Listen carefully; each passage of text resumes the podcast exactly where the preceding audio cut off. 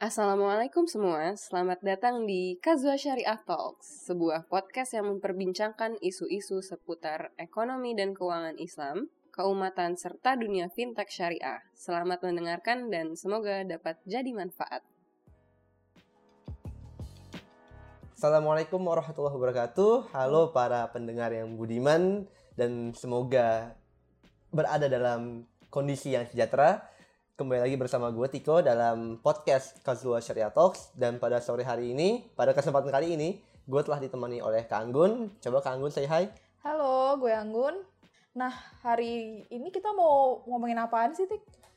Jadi itu gue baru baca berita nih yang cukup jadi headline dalam portal berita nasional bahwa ada kasus nih investasi bodong yang nilainya fantastis. Oh, investasi bodong tuh bukannya sering ya ada berita kayak gitu? Sering sih kak iya, tapi masalahnya itu investasi yang eh, basisnya itu syariah kak. Wow. Di tengah oke. eh, tren hijrah, Hmm. tren syariah orang-orang naik, naik ini, Hmm. itu adanya suatu Hmm. platform investasi berbasis syariah, tapi melakukan penipuan terhadap umat, itu kan sangat berbahaya tuh kak ya. Oh, kenapa sih ada kasus-kasus yang seperti ini tuh bisa terjadi lagi? Dan kenapa bisa muncul terjadinya investasi bodong itu? Menurut gua ini sih kak, semua itu akarnya sama, akarnya dari greed, dari nafsu Hmm. manusia yang Hmm. pengen dapat eh, uang material dengan jumlah banyak dengan cara yang cepat. Hmm. dan ya jalan pintasnya dengan cara yang tidak etis ya Hmm. melakukan penipuan sama aja kayak Hmm. orang misalnya korupsi Hmm. atau mencuri atau segala macam ya penipuan ini pada dasarnya juga merampok kan merampok uang masyarakat Hmm. jadi ya basicnya motif utamanya ya mereka memang ingin mencari keuntungan dengan cepat Hmm. tanpa memperhatikan kaidah high risk high return al gunum bil gurmi Hmm. al kharus bil doman kodam islam dan lain sebagainya Berarti sebenarnya itu tuh bisa dari dua sisi nggak sih? Maksudnya tadi kan lo bilang kalau itu tuh muncul karena sifat serakah manusia gitu kan. Mm-mm. Nah dari sisi mungkin dari sisi penyelenggaranya sendiri dia mungkin pengen dapat uang dengan cara yang gampang gitu kan, dengan cara penipuan tadi Hmm. misalnya. Dan itu juga terjadi dari sisi uh, si investornya sendiri Oh, gitu. gimana tuh kak Jadi kan karena ya tadi sih inline juga dengan yang lo bilang kalau si investornya sendiri dia juga pengen dapat untung dengan cepat gitu, dengan mudah oh gitu. iya iya Jadi mereka tuh nggak sempet ngecek apakah oh eh, itu investasinya benar atau enggak, terus eh, orangnya tuh berani dipercaya atau enggak. mudah berarti- tergiur gitu iya, ya berarti eh, gridnya tuh berat dari dua sisi itu kan ya, dari sisi penyelenggaranya sama dari sisi investornya. gue pernah dengar sih Kak, bahwa Hmm. ada pepatah atau prinsip ya ya, istilah ya yang Hmm. menyebutkan bahwa kejahatan itu muncul karena ada kesempatan. Oke. Nah berarti Nah. kalau di sini kesempatannya adalah masyarakat yang memang kurang aware mungkin Hmm, atau kurang iya, iya, iya. kurang mawas kurang waspada Hmm, mungkin hmm, ya hmm. dan dan hal tersebut dimanfaatkan oleh penyelenggara investasi bodong tersebut Hmm, untuk hmm. dieksploitasi. Nah, gitu. kalau sebenarnya sendiri untuk kasus yang eh, yang lagi kita bahas sekarang nih, yang Hmm. lagi hot-hotnya ini juga eh, mungkin karena la- ada label syariah itu oh iya juga benar itu benar ya. benar benar. Nah, kenapa juga kenapa sih orang-orang tuh bisa percaya gitu? Apakah karena semata-mata karena label syariahnya atau sebenarnya ada alasan-alasan lain sih yang bisa Hmm. uh, melatar belakangi orang-orang tuh percaya naruh duitnya ke situ? Kalau buat spesifik kasus yang kemarin nih kak ya, Hmm. itu eh, dari konten media sosialnya itu cukup terpercaya. Kan kita sebagai konsumen nih, sebagai nasabah misalnya, Hmm, hmm, hmm. yang cara paling mudah, paling simpel untuk melihat kredibilitas suatu platform ya, Hmm, hmm, ngecek medsosnya kan. Oke. Dan kemudian medsos si eh, investasi kebun-kebunan ini Hmm, hmm. itu bagus kak, desainnya Hmm. bagus, oke, kontennya rame, Hmm. apalagi YouTube-nya juga update dan ada video-video perkembangannya Hmm. perkembangan eh, lahan yang diinvestasinya tersebut Hmm. dan juga yang paling utama adalah adanya eh, testimonial dari pak Hmm. influencer dan Hmm. influencernya itu bukan cuman artis atau orang ya orang terkenal tapi juga sampai ke ustadz-ustadz karena kan Oh. label syari- labelnya syariah kan Hmm. jadi ya masyarakat yang udah melihat bahwa ada ustadz nasional ustadz yang Hmm. ter- terkenal yang udah reputasinya bagus Hmm. mengendorse produk investasi ini ya otomatis percaya dong Wow, berarti sampai level ustadz ya yang ngasih testimoni lah Iya. katakan. Oh, berarti emang maksudnya karena eh, yang ngasih testimoni levelnya udah sampai sosok yang emang dipercaya di masyarakat Hmm. gitu, yaitu ustadz gitu. Jadi emang emang gampang sih kalau iya buat masyarakat mungkin bisa percaya ke eh, penyelenggara ini gitu. Kom- Nah, ada lagi nggak sih yang lain selain itu? menurut gua kalau misalnya dari segi nasabah ya Mm-mm. kenapa lu mau menaruh uang di suatu platform? Hmm. Paling simpel ya satu lu mau naruh karena trust sudah udah percaya tadi. Betul. Yang kedua iming-iming returnnya, imbal hasilnya Mm-mm, yang mm-mm. menggiurkan. Mhm. Jadi si, si platform investasi bodong ini tuh disebutkan dia nawarin keuntungan hingga berapa kali lipat ya kalau di matematika ini ya. Yang jelas Hmm. eh, menurut berita tadi itu Mhm. mencapai 30 juta per satu pohon aja. Bayangin Oh, satu itu pohon satu bulan ya? satu per tahun. Oh, per tahun, Per tahun. 30 juta. Per tahun. Iya, per tahun. Satu pohon 30 juta. Bayangin dia Mhm. investasi satu kafling itu ada Mhm. bisa berapa pohon. Hmm, Nah, itu kan oke. menggiurkan kan? Berarti misal satu kafling ada lima pohon, dia akan dapat 150 juta dalam setahun. Kira-kira begitu kan. Wow, emang ini sih Jadi si- fantastis sih nominalnya. si investasi investasi bodong ini bukan cuman membodohi tanda kutip Mhm. membodohi masyarakat nasabah tapi juga si uh, influencer dan pa- para ustadz ini Oh. Karena kan pasti- oke, ya. Orang public figure tuh nggak sembarang terima endorsean kan? Mm-mm. nah berarti ketika dia menunjukkan uh, proposal dia pas mau endorse si ustadz ustadz dan public figure lainnya ini itu memang udah meyakinkan. Mm. berarti memang di atas kertas uh, make up packaging dan branding dari si platform ini tuh memang sudah meyakinkan. Hmm. jadi memang kalau nggak dikorek-korek lebih dalam lagi itu orang nggak bakal ngeh kalau ini itu sebenarnya adalah penipuan Tapi kalau menurut lo sendiri, Tik, dengan iming-iming yang seperti itu, misal tadi katakanlah 30 juta dalam satu tahun gitu, Hmm. sebenarnya itu rasional nggak sih? rasional itu eh mungkin ada mungkin peluang tuh Hmm. ada tapi Hmm. agak kecil ya kalau misalnya kita ya mungkin kita karena bak- latar belakang kita orang ekonomi ya oh orang iya iya keuangan iya. Mhm. bisa melakukan analisis Hmm. investasi dengan cukup eh, lancar lah ya Iya karena benar, udah, udah belajar lah ya iya. basicnya. tapi kalau misal orang yang yang bukan praktisi investasi yang Betul. nggak Mhm. kuliah atau belajar di bidang ini itu ya ya kalau misalnya dia di websitenya misalkan udah ngasih eh, fitur simulasi keuntungan Hmm. ya mereka bakal percaya percaya aja Hmm, hmm. dan ya emang agak susah memang Hmm. nge-tracknya karena kan return itu kan eh, legitimasi dari si platformnya kan dia Hmm. bisa ngeklaim berapa aja asal ada datanya kan dan Hmm. ketika dia telah punya data-data mungkin dummy atau yang meyakinkan konsumen untuk percaya ya sikat Oke. Tapi lo sempet ini nggak sempet riset banyakan masyarakat yang naruh duit di situ itu eh apa latar belakangnya misal pendidikannya mungkin atau dari sisi agama itu seperti apa? Soalnya kalau gue baca juga nih beberapa gue baca artikel soal investasi yang ini, Hmm. iming-iming yang paling kuat itu karena kalau nggak salah nih ya di kebunnya ini ada fasilitas kayak misal ada masjid, terus ada kayak apa ya pacuan kuda kalau nggak salah oh ini juga ada Kayak sekolah wisata. juga Iya, Iya, nah, iya. itu kayaknya emang strong point banget untuk menjual ke masyarakat, apalagi yang emang masyarakat yang concern dengan isu Hmm, agama hmm. ya. Kalau misal selain berinvestasi, mereka juga turut berkontribusi gitu, mau membangun umat kayak gitu. bener sih Kak Ji, mereka itu nawarin nggak cuman return yang besar tapi juga Mhm. value mereka ya, jual value iya, iya, betul, value betul. keislaman jadi kan Mhm. mungkin beberapa tahun ke belakang ini kan eh, kesadaran orang-orang Mhm. akan agama mungkin ya cukup Iya, iya, kuat iya. lah ya ya banyak eh, munculnya gerakan keagamaan yang lain mhm. dan sepertinya fenomena ini tuh dimanfaatkan oleh Iya, si betul. investa- investasi bodong ini tuh Mhm.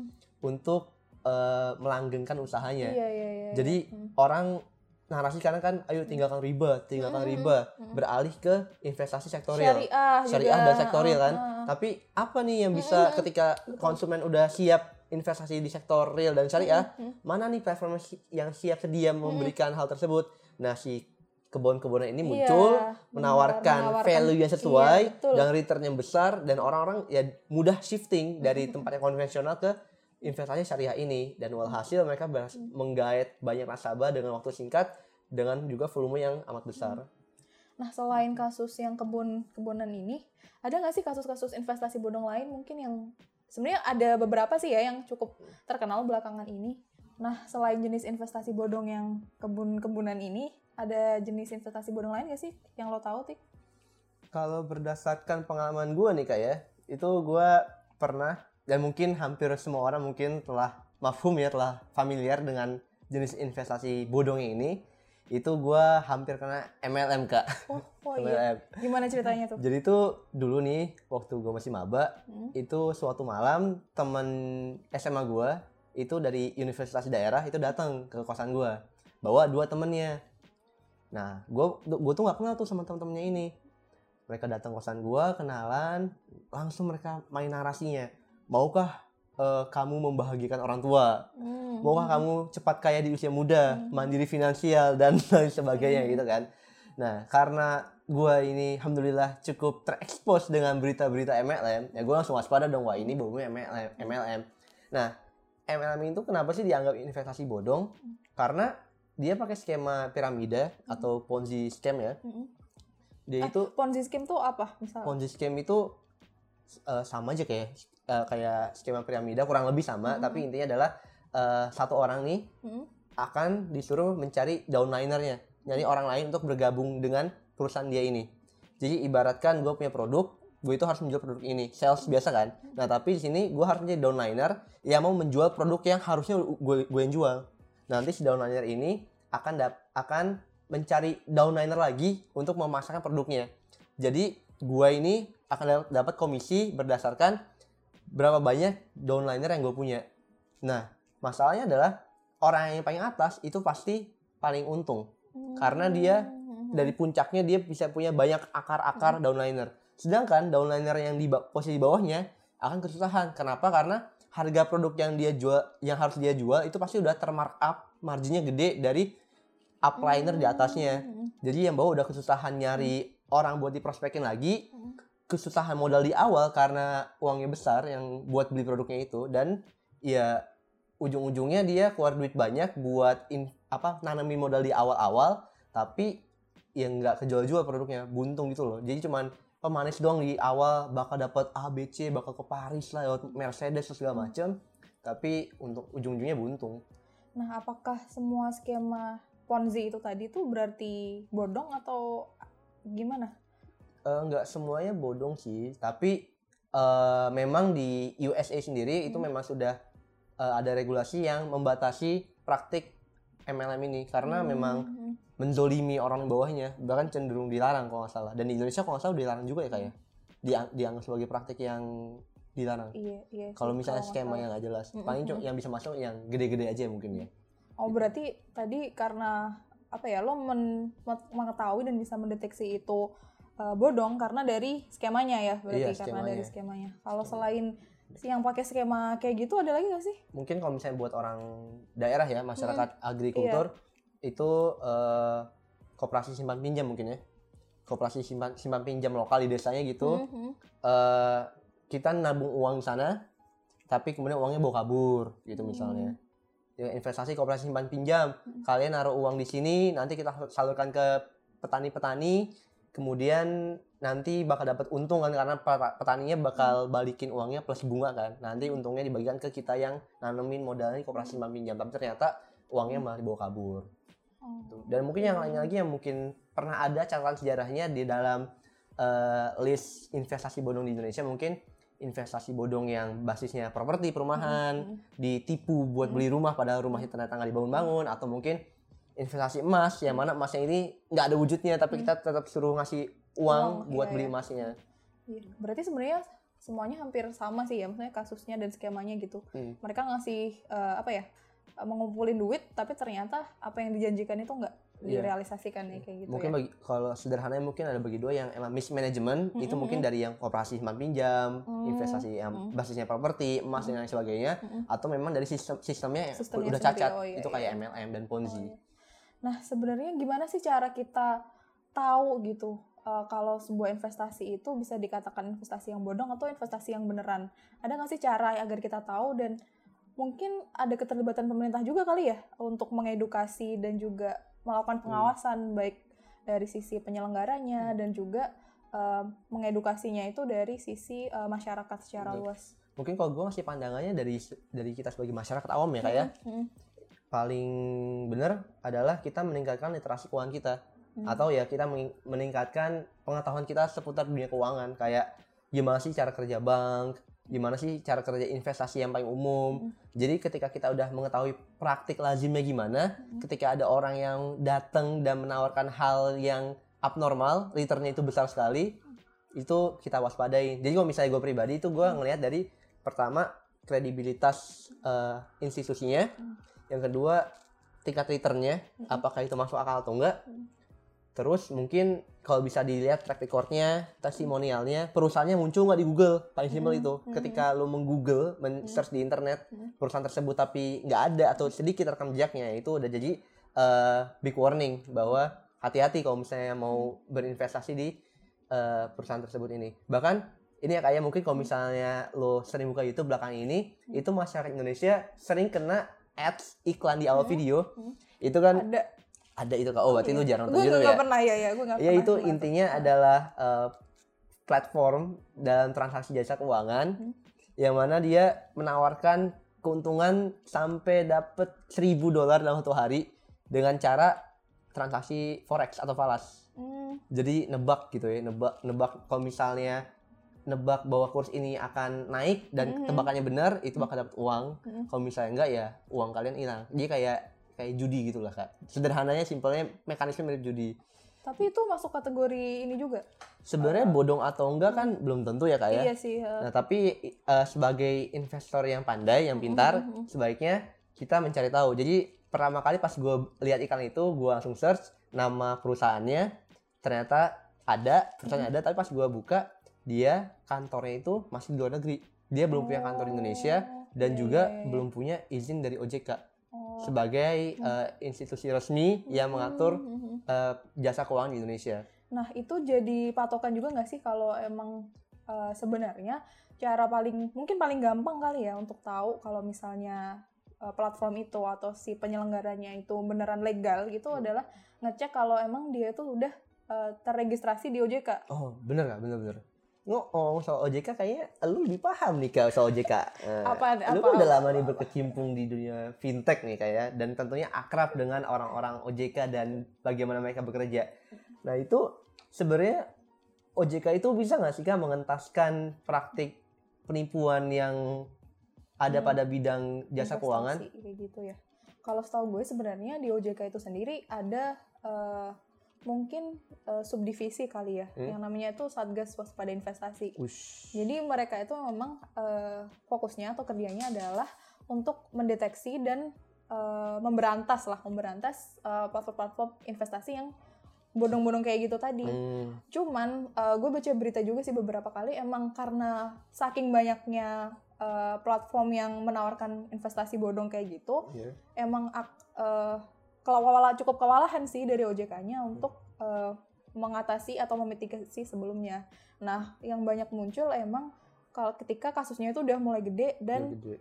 eh, udah apa ya marak di masyarakat kayak Hmm. gitu dan udah muncul di media-media. Udah viral ya. Iya, tapi sebenarnya dari si OJK sendiri juga nggak apa ya, juga banyak intinya, banyak melakukan edukasi, banyak melakukan himbauan juga ke Hmm. masyarakat gimana sih cara uh, memilih investasi itu yang benar agar kita tuh nggak Oh. ketipu kayak gitu sih.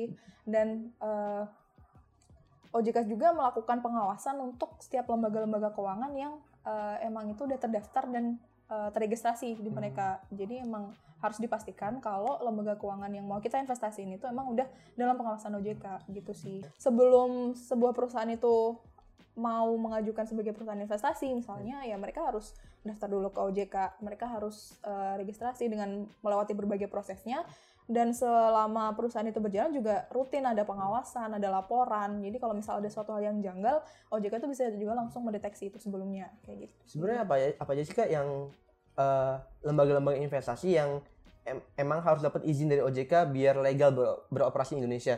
Sebagai contoh karena gua kan ini main game ya. Mm-mm. Di para gamer itu ada portal game yang terkenal, portal game global itu namanya Steam.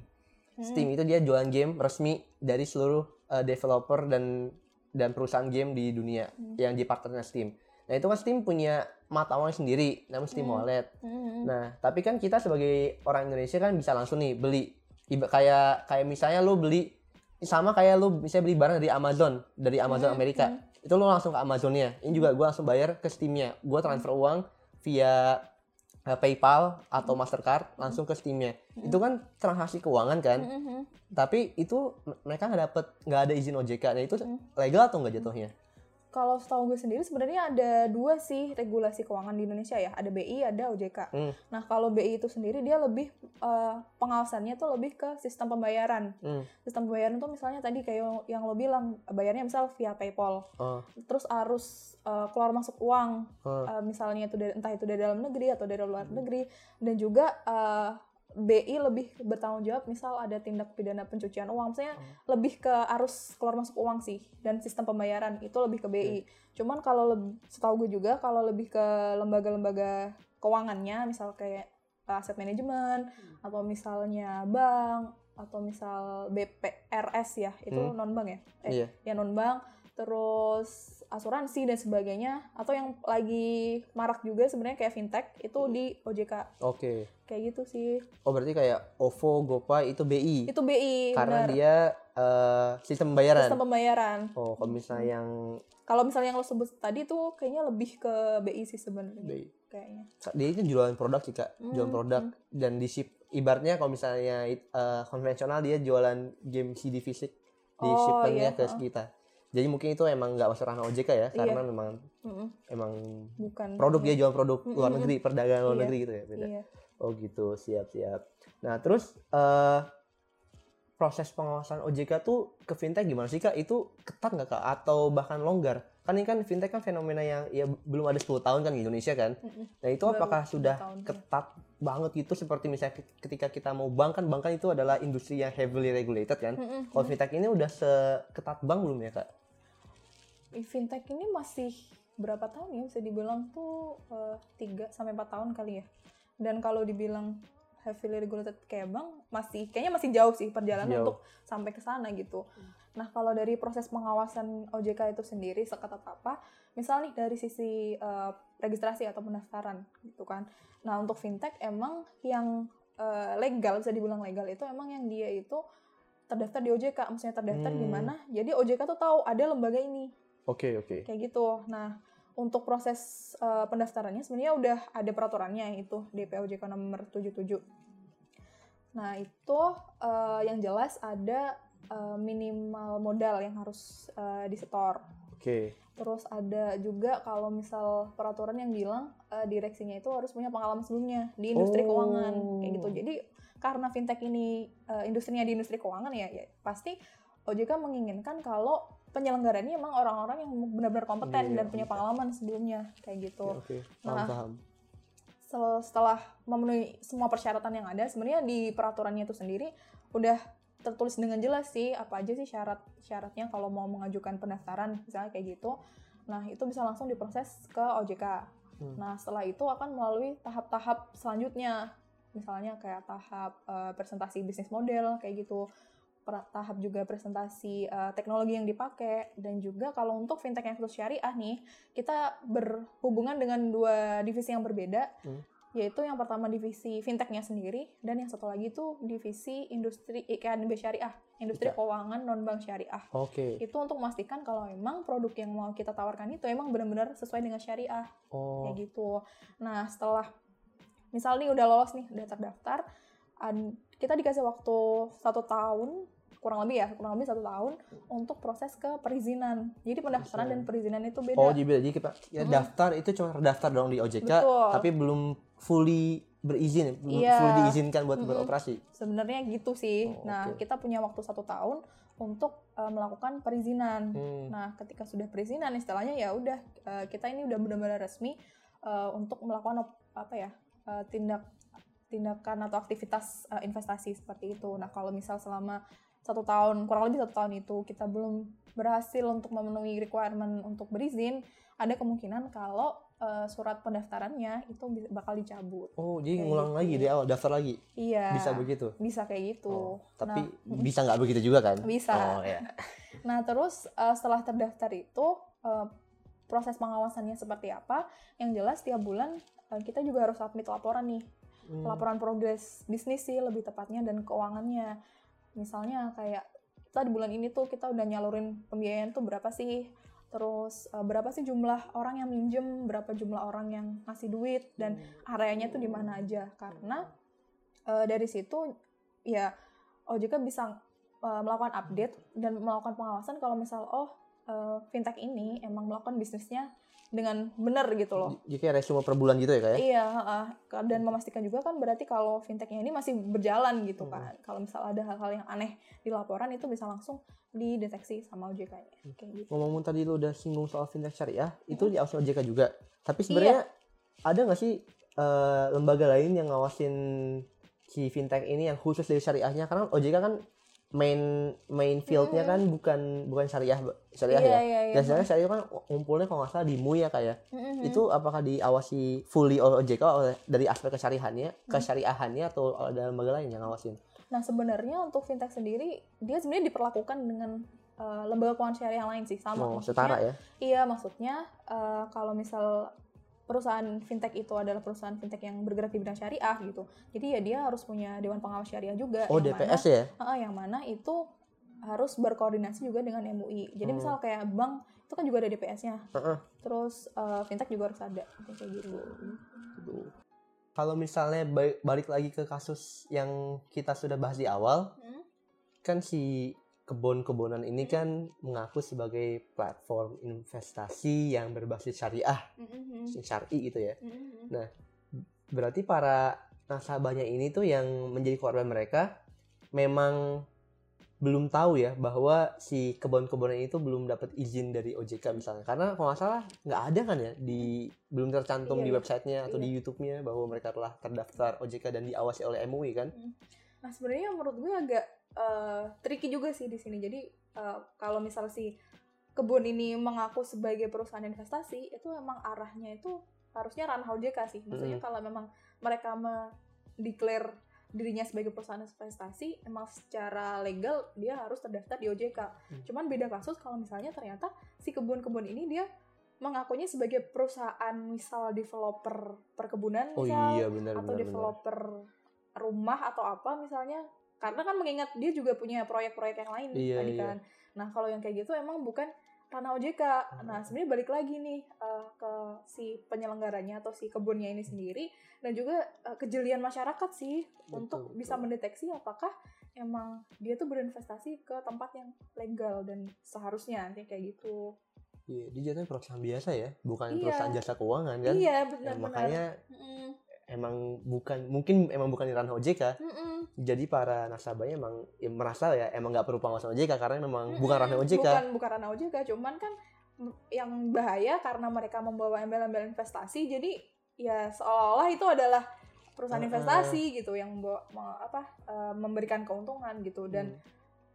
sebenarnya juga eh, apa ya di OJK sendiri kemarin setelah kasus ini muncul, sebenarnya ini kan kasus sudah udah lama sebenarnya ya, tapi baru rame akhir-akhir ini. Hmm. Tapi sebenarnya juga pas gue baca di salah satu artikel berita kemarin, OJK tuh udah menghentikan operasional si kebun ini tuh dari Maret tahun 2019. Oh, OJK ya yang menentukan ya. Mm-mm, mm-mm. Karena emang sempat ada isu-isu dan laporan kalau eh, ada investor atau Hmm. nasabah yang sudah menyetorkan uangnya dengan sejumlah berapa ratus juta rupiah, Hmm. tapi ada indikasi kalau uang itu nggak balik Hmm. kayak gitu. Dan ngomong-ngomong soal literasi keuangan nih, kan Hmm. sebenarnya kayaknya istilah investasi, terus perencanaan keuangan itu kan kayak baru rame tuh akhir-akhir ini gitu Iya. kan. Nah sebagai eh, masyarakat yang awam gitu, gimana ya cara agar eh, tahu gitu, agar kita juga bisa teredukasi gitu dengan hal-hal yang seperti ini gitu. Eh, ini hal dasar yang harus dimiliki oleh semua orang kan keinginan untuk belajar ya, terus terus belajar. Dan berarti ketika kita udah punya semangat buat belajar itu, kita coba tumbuhkan ke bidang keuangan ini. Jadi kita harus punya semangat belajar untuk uh, mengetahui istilah-istilah dalam dunia keuangan karena sedikit banyak kita pasti berhubungan kan dengan dunia keuangan ini kan. Kita buka rekening bank, NPWP, iya, iya, iya, dan lain sebagainya. Mm.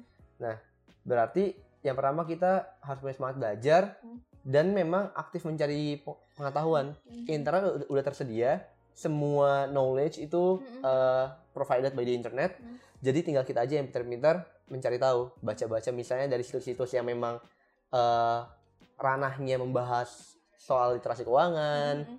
atau kita aktif ngobrol juga sama tem- teman-teman kita yang Mm. emang ngerti di hal ini.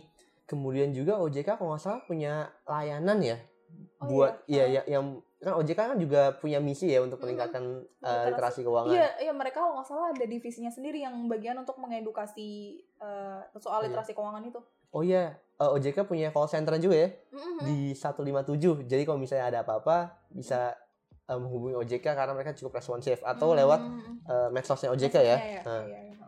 Terus uh, ya paling penting belajar update baca baca berita, update berita, paham isu terkini. Jadi kayak kita selalu tahu tren yang terjadi di masyarakat. Kalau misalnya ada penipuan, oh motifnya begini, berarti saya harus harus waspada kalau didatengin orang dengan uh, modus yang seperti ini. Hmm.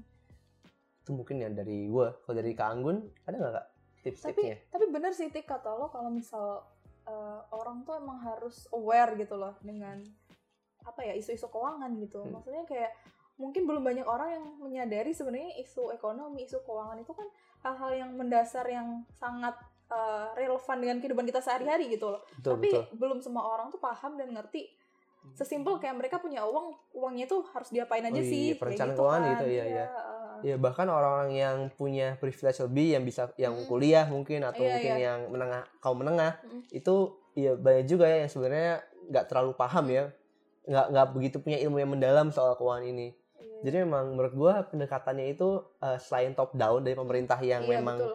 eh, jeli turun ke masyarakat buat ngasih edukasi dan kampanye-kampanye dari kita masyarakatnya juga harus eh, aktif juga belajar jadi kayak pendekatannya top down dan bottom up Hmm, sehingga betul. ada sinergi ya antara Mm-mm. pemerintah dan juga masyarakat jadi kayak kita jangan nunggu disuapin doang kita juga harus Oh iya iya. iya. eh, aktif belajar Kalau dari nah iya bener sih soal aktif belajar itu tadi karena gue sendiri seba- sebenarnya juga lulusan ekonomi gitu. Hmm. Tapi sebenarnya di kuliah juga belum tahu banget gitu gimana cara mengelola keuangan, gimana cara eh, apa ya?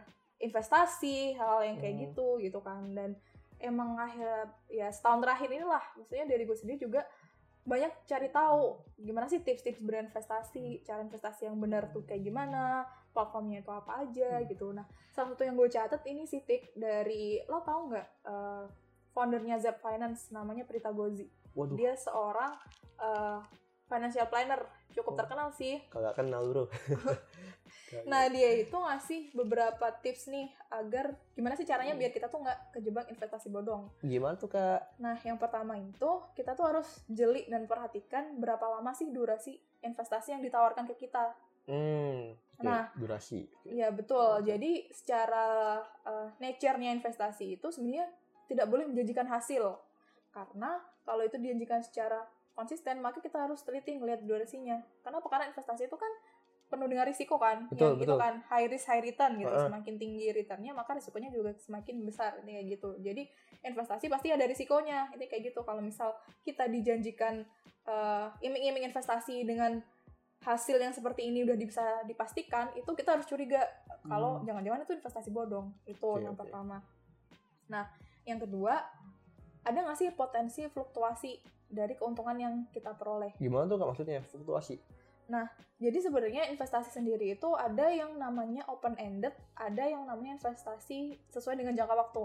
Yang sesuai dengan jangka waktu itu misalnya kayak kita naruh di deposito, itu kan ada satu bulan, tiga Ah, bulan, enam bulan itu berjangka waktu oke ngerti kita udah fix nih jangka waktunya tuh segitu, selama jangka waktu itu pasti akan dikembalikan uangnya. oke Nah, kalau yang open ended itu misalnya kayak saham atau reksadana. Ketika kita naruh Oh, ya, sekarang ya, ya. itu ya itu terserah sampai kapan pun eh, itu namanya open ended. oke open eh, eh, Mm, nggak ada jangka waktunya intinya yang kayak gitu sih. Nah, yang pasti semakin eh, investasi itu open ended ya, misalnya kayak nggak ada jangka waktu yang tetap, Hmm? itu potensi fluktuasinya juga pasti semakin gede. oh iya ya karena nggak Nah, dipastikan kan kapan Betul. berakhirnya Nah itu juga harus eh, diperhatikan yang kayak gitu. Terus eh, yang ketiga itu kita harus pintar-pintar dan bisa membandingkan tingkat keuntungan yang wajar tuh berapa. Misal kayak kasus kebun-kebun tadi. Kalau misal eh, kita ditawarkan dengan iming-iming 30 juta selama setahun, padahal kalau basic ya, basicnya pe- perbandingan tingkat keuntungan tuh biasanya kalau nggak deposito itu surat utang negara sun Heeh, atau sukuk lah kalau yang sukuk, syariah ya. obligasi Mm, gitu ya. obligasi obligasi. Nah kalau deposito itu kan sekitar 6% setahun. Hmm. Nah kalau sukuk atau obligasi lah obligasi itu kalau nggak salah sekitar segitu juga. Segitu Paling tinggi kalau nggak salah 8%. Nah kalau misal investasi yang ditawarkan ke kita itu lebih dari situ itu kita juga harus uh, pahami juga risikonya karena kan tadi kan balik lagi Hmm. kalau misal semakin tinggi uh, untungnya pasti risikonya juga semakin besar. gede Oh, kayak gitu nah ini berarti bisa dibandingin juga ke mungkin eh, harga rata-rata di pasar mungkin ya. Kayak misalnya mm, eh gua ambil contoh fintech ya, misalnya Mm. fintech peer to peer itu berarti bandingin sama Mm. eh, harga rata-rata pasar fintech, Iya, return fintech yang rata-rata dijanjikan. berapa. Oke. dan yang ini juga sih uh, masyarakat juga harus cerdas dan tahu sebenarnya perusahaan itu tuh dapat untung segitu tuh dari mana asalnya Oke. Jadi kalau misalnya uh, misal nih kayak fintech dia menjanjikan untung misal 12% gitu, kita juga harus paham nih uh, ini tuh uangnya disalurkan ke mana dan apakah industri yang disalurkan duitnya itu emang rata-rata ngasih imbal hasil segitu Hmm, kayak oke. gitu sih. Jadi emang Noted, noted. mm-mm, harus uh, sebagai masyarakat emang juga harus terdidik dan cerdas sih kayak gitu. Alhamdulillah kita dapat banyak insight hari ini. Insight bahwa eh, investasi jangan mudah tergiur sama perusahaan investasi ya, Betul. menawarkan investasi. Mm-mm. Selalu lihat apakah dia itu diawasi Mm-mm. dan berizin dari OJK Mm-mm. dan kalau misalnya yang syariah ada dewan pengawas syariahnya dari Betul, MUI yang iya. resmi. Kemudian juga lihat lihat tingkat returnnya, Mm-mm. lihat tingkat durasi investasi waktunya, kemudian juga eh, lihat apakah perusahaan tersebut memang kredibel. Mm-mm. Bisa di Google, ada websitenya dan ada Mm. kantornya. Betul. Mm, Nah, karena kantor juga Hmm. ini sih apa penting karena kalau misal beneran ada kantornya berarti ya kalau ada sewaktu-waktu terjadi gitu, misal ada hal yang tidak diinginkan kita tuh bisa langsung mengkonfirmasi ke kantornya. Keluhannya gampang ya. Betul.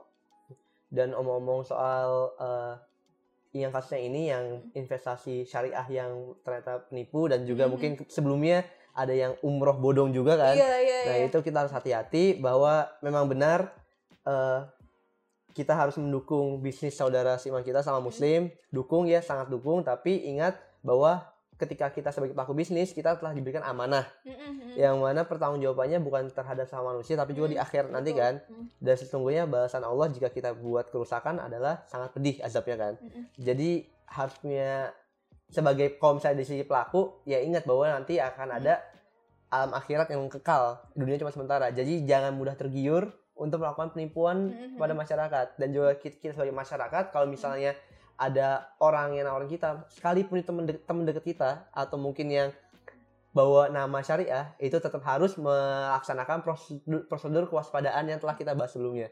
Jangan mudah percaya. Betul. Karena sangat disayangkan nggak sih kar?